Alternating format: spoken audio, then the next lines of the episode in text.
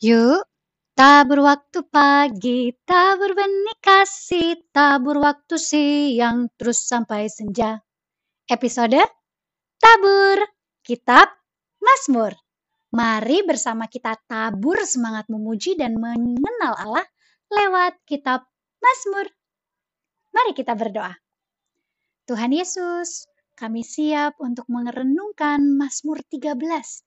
Biarlah roh kudusmu yang membantu kami memahami dan melakukannya dalam kehidupan kami hari lepas hari.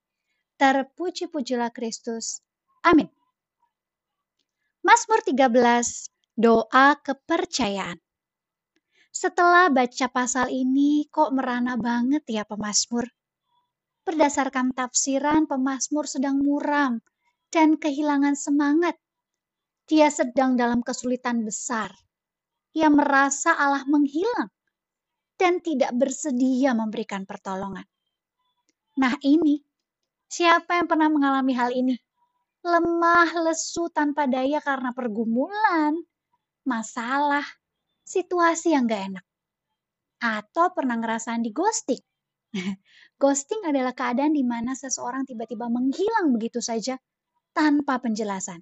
Hmm, gantung itu gak enak banget ya. Kira-kira itu yang dirasakan pemazmur dalam bacaan ini. Dan mungkin juga sama denganku dan teman yang sedang mendengarkan yang akhirnya sering bertanya di mana Tuhan. Perenungan pertama yang mau aku bagikan hari ini adalah ku mulai dari diri sendiri. Artinya, kalau kelamaan ada dalam rasa khawatir dan sedih hati, berarti kita mulai dari diri sendiri, evaluasi diri. Tuhan itu kita tempatkan di mana sih? Karena fokus pada masalah akan membawa kita pada rasa nggak enak terus-menerus. Lalu energinya habis. Energi habis malah tidak menyelesaikan masalah, tapi berlanjut pada adanya masalah yang baru. Karena hubungan kita dengan orang sekitar jadi rusak, aktivitas kita tidak berjalan dengan baik. Yaitu karena terlalu fokus dengan masalah. Lewat bacaan ini ada pelajaran penting buat kita supaya energi kita nggak habis pada masalah. Yaps, pertanyaan tentang Tuhan ditempatkan di mana akan coba kita bahas lewat pasal 13 ini ya.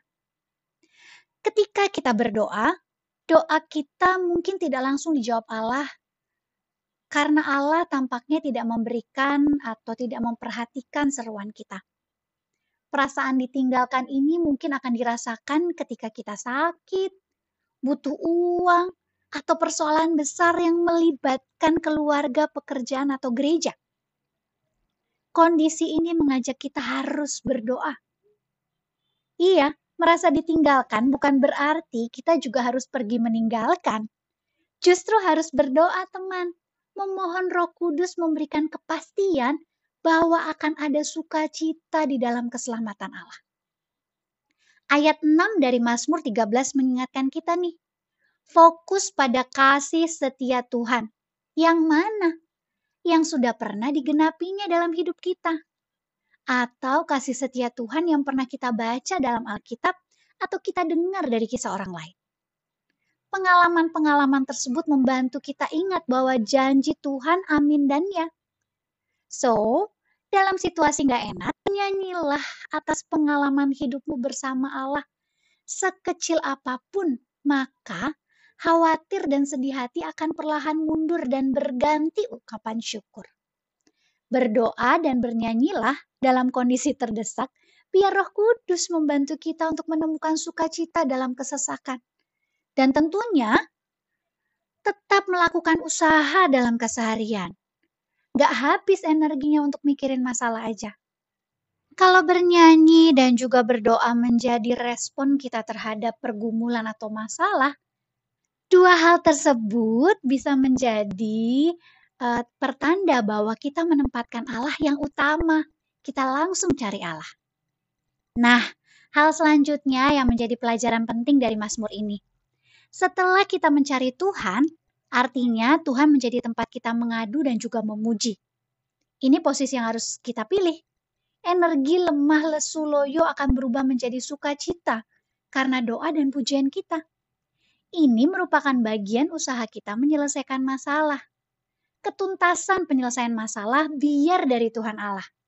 Karena jikalau kita sungguh-sungguh mencari pertolongan Allah melalui iman dalam Yesus Kristus, maka penundaan doa dari Allah tidak berarti bahwa kita ditinggalkan olehnya.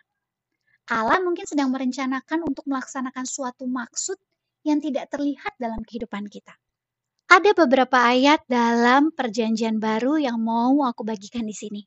Yang pertama Ibrani 12 ayat 10 sampai 11. Sebab mereka mendidik kita dalam waktu yang pendek sesuai dengan apa yang mereka anggap baik. Tetapi Dia menghajar kita untuk kebaikan kita supaya kita beroleh bagian dalam kekudusannya. Memang tiap-tiap ganjaran pada waktu ia diberikan tidak mendatangkan sukacita tetapi duka cita.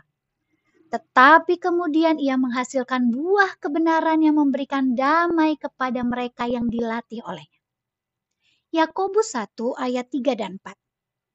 Sebab kamu tahu bahwa ujian terhadap imanmu itu menghasilkan ketekunan. Dan biarlah ketekunan itu memperoleh buah yang matang, supaya kamu menjadi sempurna dan utuh dan tak kekurangan suatu apa pun. 1 Petrus 1 ayat 6 sampai 7. Bergembiralah akan hal itu, sekalipun sekarang ini kamu seketika harus berduka cita oleh berbagai-bagai pencobaan. Maksud semua itu ialah untuk membuktikan kemurnian imanmu yang jauh lebih tinggi nilainya daripada emas yang fana yang diuji kemurniannya dengan api. Sehingga kamu memperoleh puji-pujian dan kemuliaan dan kehormatan pada hari Yesus Kristus menyertakan dirinya. Salam semangat menemukan sukacita dalam pimpinan Roh Kudus dalam kesusahan yang sedang kita alami saat ini. Mari kita berdoa. Tuhan Allah yang hidup dan berkuasa, terima kasih untuk kehadiranmu dalam kehidupan kami. Ampuni kami Tuhan kalau kami sering mencari jawaban di luar Engkau. Saat ini kami mau belajar untuk menjadikan Tuhan yang utama dengan cara merespon masalah kami dengan bernyanyi dan berdoa. Biarlah roh kudus Tuhan yang memampukan kami menemukan sukacita dalam setiap permasalahan kami. Terpuji-pujilah Kristus. Amin. Tabur waktu pagi kita berbani kasih tabur waktu siang terus sampai senja. Pasti ada hasil, hati pun senang. Salam.